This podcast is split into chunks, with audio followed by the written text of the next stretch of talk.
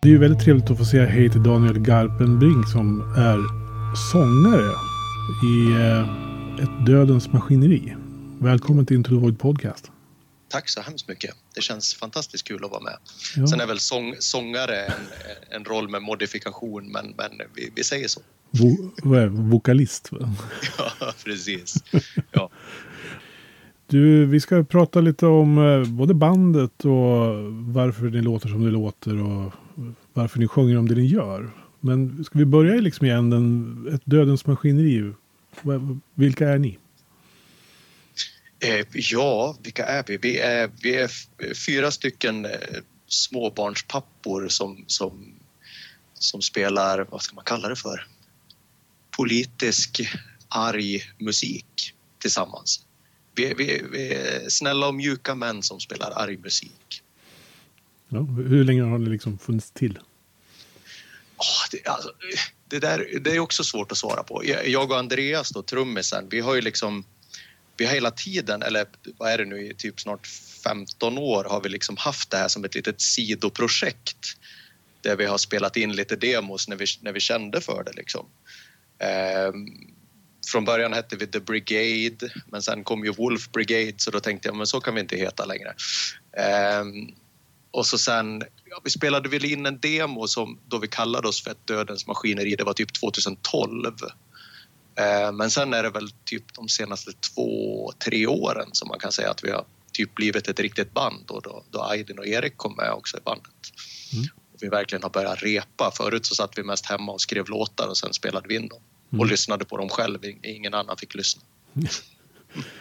ja. Vart är ni ifrån? Din dialekt avslöjar ju kanske lite grann om ungefärlig geografisk tillhörighet. Men, ja, eh, tyvärr. eh, men eh, nu är jag faktiskt, jag är ju inte dalmasig från början utan jag är ju faktiskt härjedaling. Eh, men sen flyttade jag till Dalarna när jag var 15. Eh, så det, dialekten har väl, har väl kommit med åren och eh, började gymnasiet i Leksand när jag var 15. Och det var där jag träffade Andreas också som spelar trummor i Dödens Maskineri. Så vi har alltså känt varandra, får se. Ja, vi träffades när vi var 15 och nu är vi 41 då, så att vi har hängt ihop ett bra tag. Mm. Eh, och Andreas är ju dalkar från början och Aydin är ju också ifrån Leksand och Erik som spelar bas då, han är härifrån från Falun där vi har våran bas nu. Eh, Dödens maskineri, var, varifrån fick ni namnet? Det kommer jag inte ens ihåg. det, ja, det är en bra fråga. Det är nu man ska ha haft något så intellektuellt svar att det är någon svår rysk poet som har skrivit någonting om ett dödens maskineri. Men det var nog mer att när vi bytte från The Brigade där så vi, och då vi gick över mer på att sjunga på svenska så ville jag ha ett någonting som lät tufft på svenska. Ja. Så då blev det ett dödens maskineri. Eh, man kan väl läsa in ganska mycket i det. Det var väl först när vi skrev liksom låten Ett dödens maskineri som, som, som kom till långt efter det att vi döpte bandet till det. Det var väl då på något sätt man först liksom formulerade vad, vad man menade liksom med ett dödens maskineri och att, ja, men att, att vi alla är kugghjul i, i något slags samhällsmaskineri som, som sliter ner oss. Mm. Så vi säger att det är det det betydde redan från början. Annars skulle det kunna vara någon sån här diktrad från Bruno K. Öijer eller Vladimir Majakovskij. Jag önskar ju det. Jag får, jag får, nästan leta upp någon slags referens och komma med så här i efterhand. Ja, ja. precis. För då, om du skulle landa en utomjording i Falun och, och, se att där står ju Dödens Maskineri. Vad skulle, hur skulle ni beskriva att ni lät? Vad, vad, vad är liksom er Ja, alltså grund... Jag skulle väl säga att vi är den felande länken mellan, mellan eh, Into the Voids avsnitt om Entombed och trallpunken. Ja. Någonstans däremellan. Så det, det känns bra att det här avsnittet kommer ungefär nu efter de två avsnitten. För det, det är väl lite... Ja, men, det, det är ganska mycket liksom svensk kängpunk och det är det jag har lyssnat på genom hela mitt liv det jag växte upp med. Liksom. Och Andreas kommer ju mer, och trummisen kommer mera ifrån trallpunk och liksom skatepunk var det han lirade när han var yngre. Så, så det, det, det, och så sen är det lite, lite tyngre också så att det, det är en blandning av, av krustpunk och trall och lite dödsrock kan man väl säga.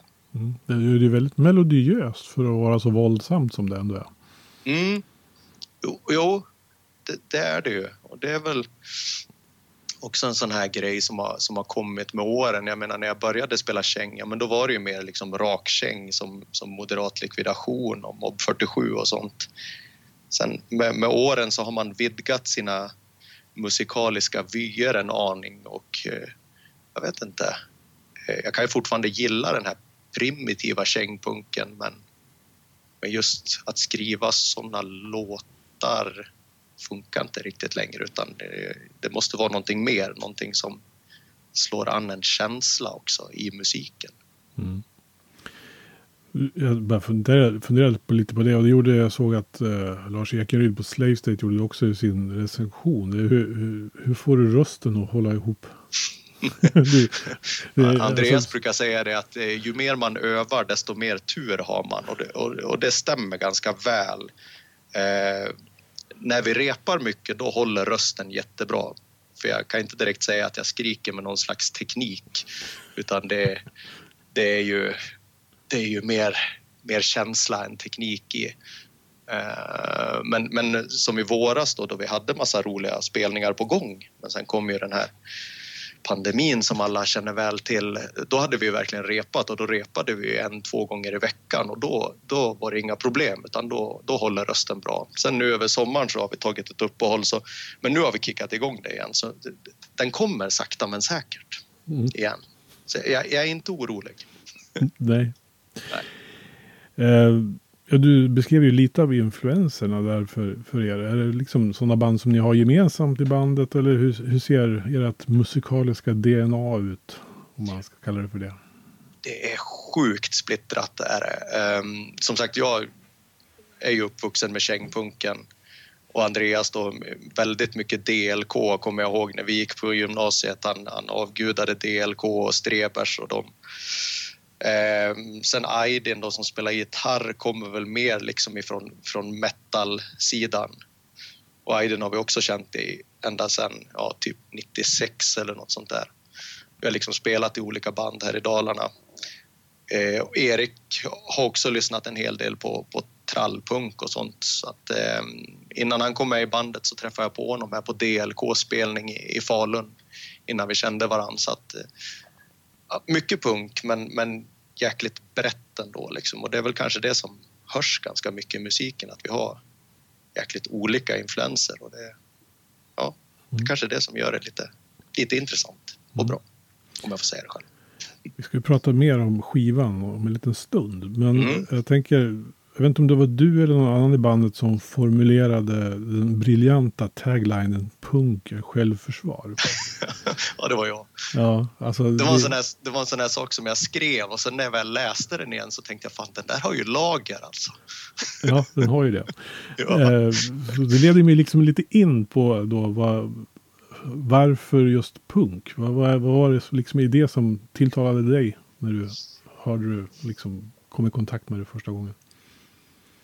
Ja, det, det, först var det ju liksom aggressiviteten. Ehm, ja, men liksom första gången jag hörde Mob 47 så det var ju någonting som liksom slog över i hjärnan på en. Och den här brutaliteten och smutset, liksom, det, var, det gick jag verkligen igång på. Ehm, det har liksom varit ja, men sån, sån här inte bara punk utan jag kommer liksom första gången ihåg när, när jag hörde en Tomd också, det var lite samma känsla den här ja, men innan dess hade man lyssnat på, jag vet inte, vad var det man lyssnade på när man gick i låg och mellanstadiet? Eh, Papa Di och Dr. Alban kanske. Och lite lite såna här power ballads skivor. Eh, ja, den här brutaliteten som jag fortfarande uppskattar väldigt mycket.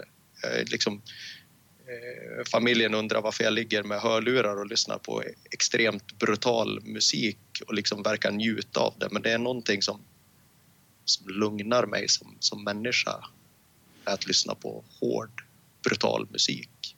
Jag kan identifiera mig med det. Så här, Napalm Death är det mest avslappnande jag vet. Ja, ja. Jag har aldrig varit något stort Napalm Death-fan. Jag tycker att det är svinbra när jag väl lyssnar på det, men jag har aldrig liksom snöat in. Men nu lyssnade jag på nya skivan och det var så jävla bra. Mm. Jo, men det är också så här, kan ses som en liten sån här konstig koppling att man lyssnar på det för att slappna av som du säger. Liksom. Ja. Men man hamnar väl, det stör, stör väl ut allt brus kanske? Ja, på något sätt. Och jag vet människor som inte lyssnar på sån här hård extrem musik. De, de blir ju stressade av det. Så, men, men det är ju raka motsatsen då kanske för oss som, som verkligen njuter av det. Att vi kanske, vårt normalläge kanske är stressad och det är först när man får utlopp för den stressen som man kan slappna av. Ja. Jag vet inte, jag, jag, jag tror att den, den, brutala musiken har gjort mig till en lugnare människa. Ja. Men om vi pratar punk som filosofi då, vad har liksom, hur tänker du kring det? Är det någonting som har format dig på något sätt? Ja, gud ja. Eh, jag växte ju växte upp i, i Härjedalens mörka skogar i Sveg. Väldigt, väldigt isolerad ifrån omvärlden. Och då hade vi ju, ja men vad bor det i Sveg, bor det 4 500 kanske. Eh, och vi var väl ett gäng på ja men en 6-7 punkare på en sån liten yta och liksom den samhörigheten och ja men ja, jag skulle säga att liksom alla mina ideal jag har nu och jag har ganska mycket, alltså jag är ju idealist och det, det kommer ju i rakt nedstigande led liksom ifrån punken och alla liksom samtal vi hade och, och samhörigheten liksom i punkkretsen. Kanske liksom, oftast börjar det ju ganska naivt. Ja, men man lyssnar på, på Exploited till exempel, lyssnade jag en hel del på när jag var väldigt ung och det var ju ja, men den här Fuck System-musiken som kanske ledde in.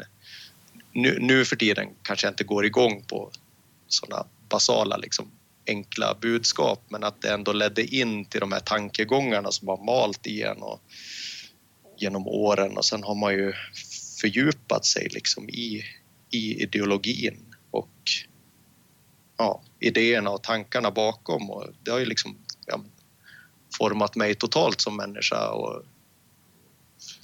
ja, men jag pluggade ju vidare sen i Uppsala och läste idé och lärdomshistoria och mycket, mycket filosofi och politiska ideologier och grejer. Så att, eh, ja, man kan väl säga att det, det, det började med The Exploited och sen fortsatte det till Marx. ja. Hoppade över några steg däremellan. Ja. Ja. Absolut, så man kan definitivt säga att, och, och likaså det här do it yourself-andan som, som är i punken ja, men jag menar, man, man började med att kopiera sina egna omslag. Sen på 90-talet satt man där och knackade sina egna HTML-sidor. Det var liksom, kunde man inte göra det själv så blev det inte gjort. Så att man, man fick helt enkelt lära sig att, att göra allting från grunden. Och det är ju mycket, jag menar nu, som nu jobbar jag som designer liksom på heltid. Det är ju yrke och det är ju också tack vare punken. Är det. Mm. Eh, just att man satt och gjorde omslag och gjorde allting själv. Mm. Det är lite ironiskt att just punkare är så väldigt bra egenföretagare. Ja, nu, nu har jag faktiskt lagt ner mitt företag ja. så jag är anställd. Ja, det... Det var, det, jag, jag klarar inte av bokföring. jag tänker att det är ganska vanligt ändå att om man tittar ja. på dem, speciellt om man tittar på den generationen som var först med slutet på 70-talet där så tycker jag att det är väldigt många man hittar just i så här kreativa branscher som egna, egna herrar över sig själv så att säga. Ja, jo, men jag tror att det hänger just mycket på det där med att man, man insåg att, ja men det, eller man lärde sig inte genom att, att utbilda sig i ett visst ämne utan man, man lärde sig genom liksom självbildning och att sitta och leta information och testa och göra fel. Jag vet inte, jag menar jag har gjort varenda fel man kan göra inom design och, och det har jag väl liksom lärt mig av också så att ja, ja, det kan nog. Jag tror att det är mycket det där do it yourself-andan som, mm. som skiner igenom. Ja. Mår punken bättre på små orter än i stora städer tror du? Bra fråga. Alltså, jag har ingenting riktigt att jämföra med där. Som sagt, det var ju väldigt, väldigt isolerat i Sveg. Eh, men det blev ju väldigt intensivt då. Liksom. Man, man umgicks med samma liksom, sex, sju personer hela tiden man gick ifrån en lägenhet, man gick till OK, man gick till Statoil och sen gick man hem igen och däremellan pratade man punk och politik. Liksom. Så såg ju i stort sett varenda dag ut. Och eh, det, allting handlade om att ja, men, hitta nya band och hitta nya idéer. Och, ja, det, det, en, en kvalificerad gissning på frågan är väl att ja, den mår kanske bättre i en mindre ort. kanske finns mer att vara frustrerad över det där. Oh, gud ja, ja så är det ju. För jag menar, är det någonting just när man bor så isolerat, man, man, man måste ju hitta kreativa utlopp för att överleva. Mm. För det finns inget annat att göra. Nej. Så är det. Det var väl som Bonnie, Asta Kask beskrev det för mig någon gång. Att det var, man fick välja mellan vilket fotbollslag man skulle spela. Eller musik. Ja. Så. Så var det. Jag, jag, jag tror jag var med på en fotbollsträning och stod i mål och de sköt bollen i ribban och sen studsade den i mitt bakhuvud och gick in i mål och sen var min, kände jag att min fotbollskarriär var över och sen gick jag in helhjärtat på, på musiken istället. Mm. Så där har du ju lite av det där att punken är ett sorts självförsvar då. Ja, ja. Mm. ja men precis. Ja, tanken med, med just det uttalandet är ju liksom att men ofta har man ju den här diskussionen eller när man diskuterar politik med människor på något sätt försöker man jämställa rasism och, och antirasistisk kamp som, som två sidor av samma mynt. Men, men det ena skulle ju inte existera, alltså antirasismen skulle ju inte existera utan rasismen. Den, då skulle inte den ha något syfte och på något sätt så, så fungerar ju punken likadant. Att, att den skulle ju inte ha ett syfte om det inte fanns orättvisor att, att belysa och liksom försvara sig emot. Nej, precis. Men om vi går in lite på det, det här med musik och politik. Alltså det du har lyssnat på genom åren och sådär. Kan du liksom säga, beskriva på något sätt hur det där har påverkat ditt sätt att se på världen? Vi har ju pratat lite om det, men om vi funderar lite djupare på det. Det är svårt att hitta liksom några konkreta exempel. Det är ju snarare liksom en resa ja. Eh, man har gjort och liksom, ja, men på något sätt punken vidgade ju ens vyer från det här att bo i en liten ort, att umgås med samma människor. Det var, på något sätt var det ju sån en, en inblick i ja, men, strukturell kamp liksom på ett större plan och det, det var inte bara punken utan sen kom ju även jag menar hela Umeå hardcore-scenen också. Även om jag inte var någon liksom så stor konsument av den så, så lyssnade jag en hel del liksom på Refused och grejer och det var väl där någonstans man kanske fick de här lite mer komplicerade analyserna. Vi gick ifrån det här liksom fact system och man funderar över vilket system då? Där, där började man få lite mer så här konkreta exempel eh, på mer liksom invecklade resonemang. Eh, vad var grundfrågan? hur, hur har påverkat dig det du har lyssnat på genom åren? Men på något sätt så blir det ju, jag menar, och speciellt när man är då i, i tonåren, jag tror ju mycket på att ja, men ens ideal och det sättet man ser på världen formas ju otroligt mycket i den åldern. Och jag menar de, vad ska man säga, de glasögonen man får på sig då är ju liksom de man använder resten av livet sen för att analysera.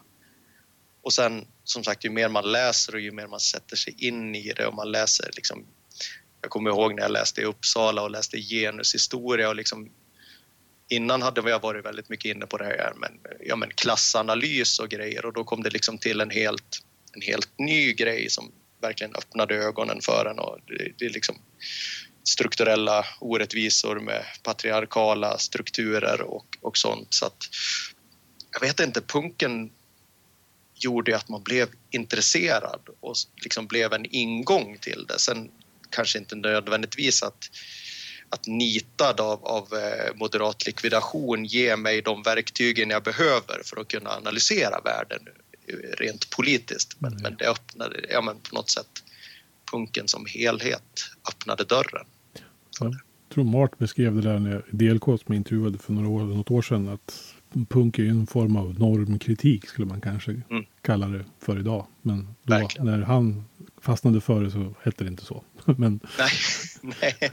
nej, precis. Jag kommer ihåg det när man lyssnar på Moderat likvidation där och de, det är någon intervju på en skiva att eh, de är ute för att supa, leva rövare och slå på pensionärer. mm, ja, ja, det, nu var ju det väldigt roligt men, det, men det, för mig har nog alltid punken varit eh, mer, vet inte, det kanske, ja men mer, mer seriös på något vis. Eh, jag har alltid brytt mig för mycket om min, min hygien för att kunna vara den här, vara ute och drägga och, och så. Utan jag, jag är nog mer intresserad av just de, de politiska analyserna som finns inom, inom punken. Sen kan jag fortfarande uppskatta det här råa, brutala och knytnäve i ansiktet Mm. också. Är, punk per definition vänster undrar jag ibland. Eller har den liksom, finns det någon annan skala där? Den är definitivt inte högerut, så kan man väl kanske vara överens om. Men Nej, det beror ju på om du frågar Johnny Rotten nu för Ja. tiden då, så skulle han väl kanske säga att den är Trump-vänlig, punken.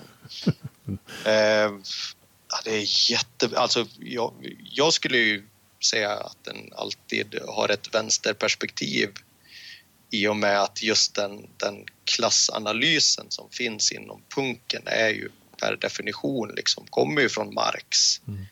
och, och, och är vänster. Sen, jag menar, det finns ju gott om punkband som kanske inte räknar sig som socialister som, som vi kanske gör då, men, men som har en mer liksom anarkistisk inställning. Men definitivt på vänsterskalan. Mm. Det skulle jag nog säga. Varför låter alltid vänsterns musik bättre? Ja, det, det där har jag frågat mig många gånger. Jag kan liksom inte komma på ett bra högerband. Det är väl typ Ville Crawford och Mange Schmidt. Ja, de brukar väl spela på sådana moderata tillställningar. Ja, precis. Och det säger ju en hel del om högerns musiksmak. Jag kommer ihåg att jag vet att Fredrik Reinfeldt, Reinfeldt han listade väl Dabas som sitt favoritband tror jag. Ja. Så jag känner liksom att med, med stolthet så kan jag ställa mig i vänsterledet där. Mm. Nej, det är en bra fråga. Jag vet, och just inom den här eh, just skinhead-musiken åt höger är ju jag vet inte om de går in för att spela värdelöst. Det kanske de gör. Det kanske har blivit en grej. Liksom. Kanske svårt att hålla takten bara, jag vet. Nej. Nej, Nej. Ja. vi låter det, låter det vila och vi pratar om det roligare istället. Ja, vi låter det vila men konstaterar att vänstermusik låter bättre helt enkelt. Eh, ja, ni har ju en eh, platta på gång. Eh, Jo. det här avsnittet kommer att släppas strax innan den släpps. Ehm, Jo. det svenska hatet. Mm. Har man hängt med lite i samhällsdebatten de senaste åren så vet man ju att det också är titeln på en bok. Jajamän. Ja, eh, jag misstänker Gellert att det finns, Tamas. exakt, det finns kanske någon koppling här emellan. Men eh, berätta lite, vad, vad ville ni göra för sorts skiva? Ja, jag, jag, jag lyssnade ju nyss på ert avsnitt här om temaskivor och man kan väl inte säga att det är en temaskiva på, på det sättet. Men, men på något sätt så... eh, Gellert Tamas bok Det svenska hatet handlar ju om, om Sverigedemokraternas väg in i riksdagen. Eh, väldigt intressant bok, men, men när vi tog liksom titeln därifrån så ville jag mer på något sätt dra den röda tråden eh, från liksom, man, man brukar ofta Ofta så kommer det ju som resonemang ifrån, ifrån eh, alternativhögern, ja men titta tillbaka på, på rasbiologiska institutet och grejer och Sverige var rasistiskt förr och det blir oftast en, en, en höger-vänster-fråga just att diskutera vad som är mest rasistiskt. Är det, är det då eller är det nu? Och jag menar ju liksom att det, det svenska hatet på något sätt ska binda ihop de två bilderna av att de här idéerna som vi ser nu med Sverigedemokraterna och, och alternativhögern i Sverige är liksom idéer som har funnits jävligt länge i Sverige. Eh, just med, med Rasbiologiska institutet och, och den svenska rashygienen och tvångssteriliseringarna. Att, att egentligen så har en, Sverigedemokraterna och, och alternativhögern bara paketerat om dem och man pratar inte längre om, om ras utan nu pratar man om nedärvd essens och svensk kultur och svenska värderingar. Så, så skivan som helhet tar upp de ämnena ganska mycket. Ehm, så det, det, är väl liksom den röda tråden. Sen, sen, finns det ju andra teman också. Även vissa låtar som, som handlar om, ja men, eh, kanske mer blir en analys över varför just extremhögern går så mycket framåt i, i, Sverige som den gör. Jag menar, Sverigedemokraterna är ju just nu i alla fall det tredje största partiet. Och jag kommer ihåg på gymnasiet när jag var på antirasistdemonstrationer och Sverigedemokraterna sprang omkring med, med sköldar och skrek Sieg Heil. Det var ju, det var ju som Nordiska motståndsrörelsen är nu. Mm. Så betedde sig Sverigedemokraterna och jag, jag tycker inte att det är speciellt långt tillbaka. Nej, men folks minne är väldigt kort när det gäller sånt där.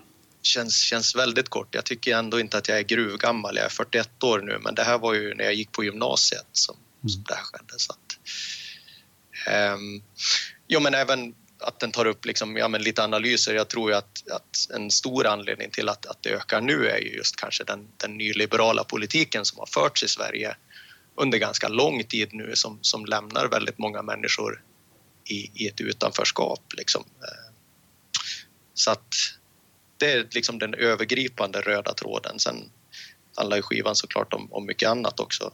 Döden bland annat som är, som är väldigt aktuellt när man börjar komma upp i, i 40-årsåldern och man får ålderskriser och grejer. Ja, den brukar dyka upp där i 40-årsåldern. ja, ja, men precis. Och det, det är någonting som händer man går ifrån den där åldern då alla runt omkring en får barn till att alla börjar trilla av pinn istället. Ja. Så det, det, det är tung, sorts, många tunga tankar. Någon sorts insikt om att man har kommit kanske halvvägs med lite tur. Ja, precis den insikten fick jag nog faktiskt där förra året. Jag hade, ja, men förra året var en jävligt tung period och eh, farsan min gick bort och då, då började man liksom inse att fan, ja, nu är man på halvtid. Ja. Usch ja. Eh, det som slår mig lite när jag lyssnar på skivan också det är ju alltså texterna. Eh, har ju ett ganska vasst språk. Eh, väldigt eh, så här, ord som man kanske inte riktigt alltid hör i texter generellt. Nej. Eh, vad, jag antar att det är du som skriver texterna. Ja, och det, det, det känns bra att du säger så. Ehm, men det är lite det jag sa förut att jag kanske inte längre liksom går igång på att bara stå och skrika fuck the system. Eller, eller att skriva en låt om något, något generiskt krig någonstans i världen och hur hemskt det är med krig. Jag tycker det finns tillräckligt många faktiska saker man kan skriva om som känns mer relevanta. Jag menar, vi har ju människor i, i, i våran väldigt nära närhet då, som, som har blivit deporterade till Afghanistan till exempel. Det, det känns långt mycket mer relevant att skriva om hur vidrigt det är istället för att skriva om hur någon lider i ett krig som ingen riktigt vet vad det är du sjunger om. Så att, eh, ja men det, just texterna är ju, det är min lilla bebis. Ja. Jag bryr mig ganska mycket om. Var hämtar du kraften i språket någonstans? Är det, läser du skönlitteratur, poesi eller är det från eh, din akademiska karriär? Ja, akademiska karriären var ju sjukt kort alltså. Jag, jag ja. tänkte jag skulle bli lärare men sen hoppade jag av. Um, jag har läst otroligt mycket skönlitterärt eh, i mitt liv men just nu är jag ju mest inne jag lyssnar otroligt mycket på politiska poddar. Jag älskar liksom poddformatet där, folk får prata till punkt och det verkligen det analyseras istället för att liksom matas ut korta rubriker och korta Twitter-meddelanden. Så, ja, vart hämtar jag inspirationen ifrån? Det är ju mycket av det man läser och ser och som sagt mycket av det som händer i ens närhet. Eh, jag menar, när man, när man kommer upp till den här åldern så har man ändå upplevt en del mm. tunga saker och saker som man tycker är värda att skriva musik om. Ja. Mm. Det finns, det finns, jag menar, alla texter på skivan kanske inte är uh, Nobelprismaterial. Det finns ju, det finns ju punktexter där också, men, men då kanske de har en viss humoristisk underton då, som, som Stad i ljus till exempel som är, som är skriven med, med Tommy Körberg i, i, i tankarna då. Men, men istället för att han sjunger om någon, någon specifik stad i ljus så tänkte jag att det vore ju roligt att sätta just Tommy Körberg kanske i en, i en, i, en atomexplosion i det sammanhanget. Ja. ja. eh, ni har ju lite gäst, gäster på skivan också. Mm. Eh, kan du berätta lite om vilka det är och hur det kom sig? Ja. Ja, först, eh, första låten, Ett dödens maskineri, då har vi med Emilia Henriksson från eh, Radium Girls. Och det är ju en person som, som vi känner härifrån Falun som skriker så jävla bra så vi bara sa att hon måste vara med. Och det, det här var ju liksom innan vi hade spelat in något seriöst så vi skickade över demon på ett dödens maskineri och, och hon ville gärna vara med. Och eh, ja, det blev fantastiskt bra. Eh, så Emilia hoppas jag kommer med många gånger i framtiden också på diverse inspelningar. Sen har vi även Mackan då, Kapten Grå ifrån Lastkaj som är med och skriker och Mackan och jag och Andreas har ju känt varandra sedan vi var 15 då. Eh, vi gick gymnasiet ihop, vi har bott ihop, vi har gått så kallat rockgymnasium hette det i Malung. Det var ett sånt här påbyggnadsår där man skulle spela musik ihop. Vi satt ju för sig mest och spelade Nintendo 64 för det, var, det hade kommit ut precis då så våra lärare fick komma och hämta oss i lägenheten till lektionerna. Eh, så att, ja men, och vi har även släppt skiva tillsammans på Suicide Records med, med vårt gamla band The Saigon Sickness. Där Mackan sjöng då, jag spelar bas och Andreas spelar trummor. Mm. Så det är väl de, jag har väl inte glömt någon gäst. Mm. Nej, det är de två. Ja. Ja, slutresultatet var ju fantastiskt i alla fall. Jag vill gratulera er till en fantastiskt bra platta. Tack så hemskt mycket. Jag tänker, ja. Jag tänker så här, punk och hel, alltså fullängdsformat, eh, det kan ju vara lite eh, mycket det kan vara lite mycket. Ja, alltså, Absolut. Men jag tycker att ni håller ihop det bra. Men ja. hur känns det som att ni gjorde någon sorts maratonlopp? Eller? I och med att vi först spelade in en EP med fem låtar och fyra av de låtarna är ju med på skivan. Och sen, så då kändes det liksom, när vi väl skulle spela in, då spelade vi in, får se, vi spelade in åtta låtar till. Och det kändes fortfarande hanterbart Liksom, det kändes inte som att vi var tvungna, nu måste vi skriva en jävla massa låtar för att fylla upp en fullängdare. Nej. Och eh, två av låtarna som är med på skivan som inte är med på EPn är ju dessutom gruvgamla låtar som jag och Andreas skrev 2010. Så ja, det, viktigaste var väl liksom att man, att, att man skulle få till en att det inte blev liksom en, en jämn korv över hela skivan utan att, att det blev lite variation. Eh, för som du säger, punkskivor kan ju bli mastigt mm. om du har 14 stycken D-taktlåtar i samma, samma tempo liksom, mm. rätt igenom. Eh, jag vet att Andreas tänkte väldigt mycket på, på Refused-skivan The Shape of Punk to Come. Det var liksom så han ville att fullängdaren skulle kännas, inte låta så men kännas så liksom. Där har man ju otroligt många olika typer av låtar och, liksom, och det känns som en, ändå som en helhet som, som funkar jävligt bra ihop. Liksom. Mm. Ja, men jag tycker ni har fått till en riktigt bra, alltså bra dynamik på plattan där det liksom finns både det här tokrenset och sen mm. li, lite mer musik som man får tänka till lite när man hör. Va? Mm. Så att ja, men det är kul. Jobbat. Och så sen som sagt, jag tror att melodierna gör väl också att man kanske som lyssnare står ut lite längre. Mm. kanske. Ja. ja. Eh, vi har ju nämnt dem och vi har ju ägnat den här hösten lite grann åt att lovebomba Suicide Records. Mm. Eh, det har blivit lite så. Eh, ni släpper den här skivan på Suicide då. Um, hur hamnade ni där och, och hur, ser era, hur liksom, hittar ni varandra? Alltså det fanns, för oss fanns det inget alternativ egentligen. Vi, vi skickade bara den till Roger på Suicide, eh, e EPn och typ frågade vill du släppa det här? och det ville han. Eh, ja, men det är ju som sagt eh, Suicide, vi har ju känt eh, Roger och Henrik. Vi släppte ju skivan med The Saigon Sickness där 2010. Eh, Andreas då och Mackan ifrån Lastkaj släppte ju även skiva med The Open Up and Bleeds på, på Suicide Records. Där eh, ja, Joel då som sjunger i Open Up and Bleeds är med på Nova Ruptas första skiva också. Eh, och sen har jag gjort, nu ska vi se, jag har gjort omslag till V som också Led Into Exile som släpptes på Suicide Records.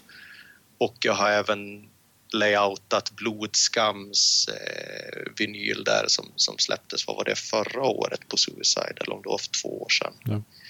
Så på något sätt så kändes det helt naturligt och ja, men lite det som Alex sa också, Nova Rupta Alex, att, att få ligga på Suicide Records blir liksom en liten stämpel på att man har ja, men en liten kvalitetsstämpel som vi gärna ville ha. Så att det var jäkligt kul att, att Roger gillade det. Mm. Annars vet jag inte. Annars kanske vi fortfarande bara hade spelat in en demo lite då och då och harvat lite i repan. Liksom. Vad är det som gör dem så bra då?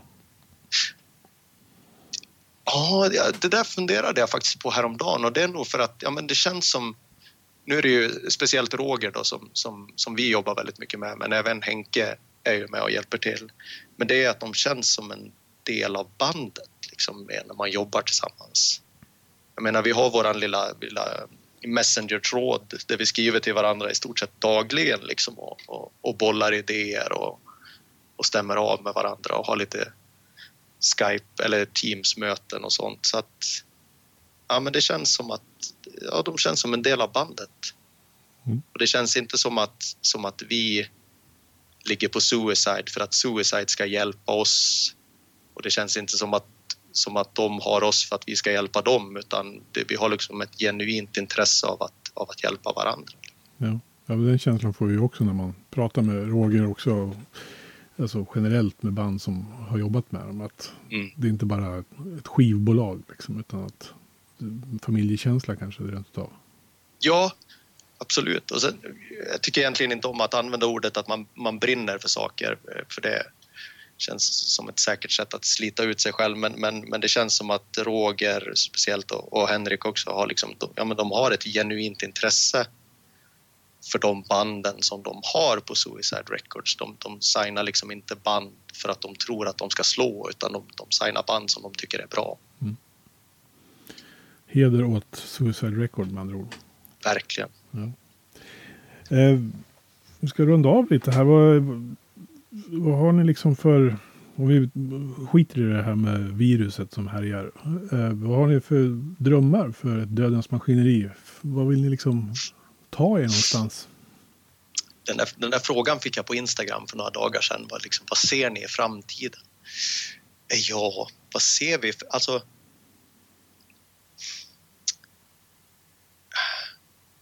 Ska man säga det här utan att eh, låta förmäten? Men vi vill ju släppa musik.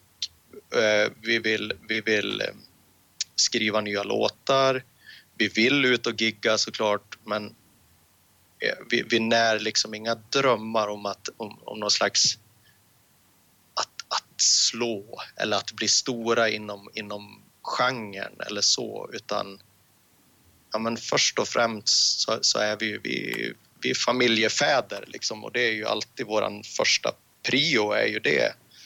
Så bara att få ihop ett rep liksom med, med gemensamt har vi tio barn så att det, det, är inte alltid så himla lätt. Eh, men, men, men ut och gigga vill vi.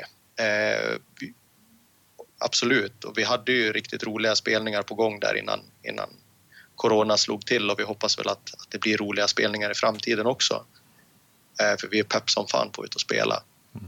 Eh, sen redan nu har jag satt igång och börjat skriva låtar till en till skiva så det är ju också vi, vi tyckte det funkade så jäkla bra med att släppa en EP och sen en fullängdare så det hade vi väl tänkt att, att, att göra om sen när vi väl har varit ute och giggat på den här skivan. Mm. Det låter som en fantastiskt bra plan tycker jag. Vad bra. Ja. Daniel, det har varit jätteintressant att prata med dig om musik och politik och ett dödens maskineri. Ja, men detsamma. Det var jäkligt kul att, att få vara med. Äntligen efter att ha lyssnat på så många avsnitt så får man äntligen vara med på ett. Det känns jätteroligt. Nöjet är helt på min sida. Ja. Eh, lycka till och ta hand om dig. Ja, men detsamma. Mm. Ha det bra.